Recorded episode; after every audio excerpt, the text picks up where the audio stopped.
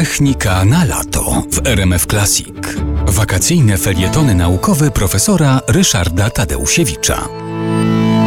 Wspominałem w poprzedniej mojej pogadance o teatrze słowackiego. Teatrze, który miał bardzo ciekawe elementy, mało znane.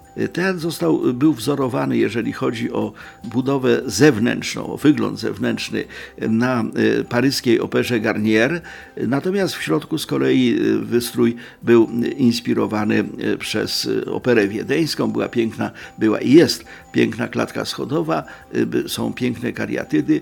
No, nie wszystkim się to podoba, ale na pewno Teatr Słowackiego obejrzeć jako obiekt architektoniczny warto. Natomiast z Teatrem Słowackiego związana jest ciekawostka techniczna. Mianowicie y, okazało się, że w momencie, kiedy Teatr Słowackiego powstawał, w Krakowie nie było elektryczności w ogóle.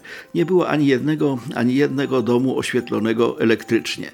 Tymczasem y, nastąpiła tragedia, mianowicie Ring Theater w Wiedniu y, zapalił się akurat w tym okresie, kiedy krakowianie przygotowywali się do budowy swojego nowego teatru, teatru obecnie nazywanego Teatrem Słowackiego y, i ten pożar Ring Theater w Wiedniu pochłonął ponad 400 ofiar.